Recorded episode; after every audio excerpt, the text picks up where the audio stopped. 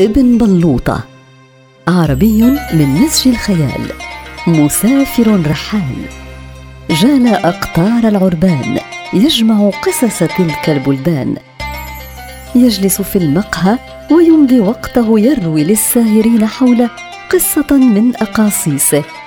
فمن عرف من السامعين المعاني المخبأة بين سطورها نال منه هدية قيمة.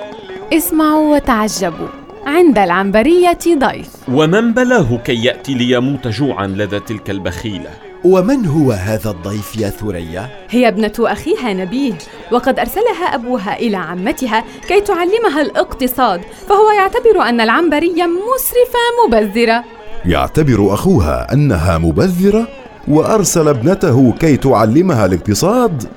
عجب يحكى أن أحد البخلاء كان له ولد يعتبره مسرف لا يعرف قيمة الفلس الذي يملك. فأرسله يوما إلى خاله. وكان الخال أشبه ببخلاء الجاحظ في شهرته.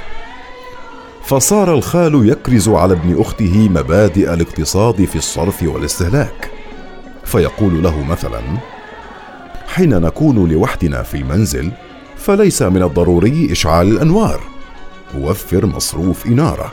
ثم عندما يكون البيت مطفأ فليس من أحد يفكر في زيارتنا مما يؤدي إلى توفير الضيافة علينا.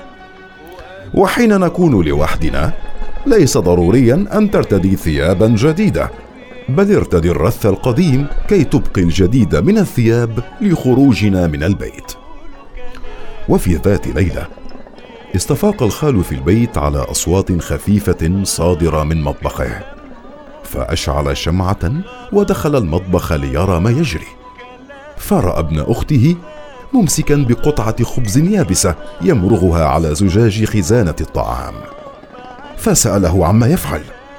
أجاب الصبي حينها خالي العزيز استفقت جائعا فقمت لآكل الجبن.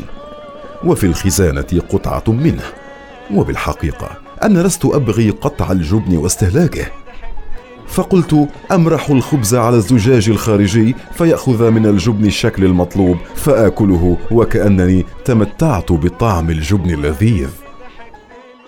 وفي الصباح وضب الخال أغراض ابن أخته وأرسله إليها مع رسالة تقول خذوه فهو أدرى مني ومنكم يصلح معلما للاقتصاد.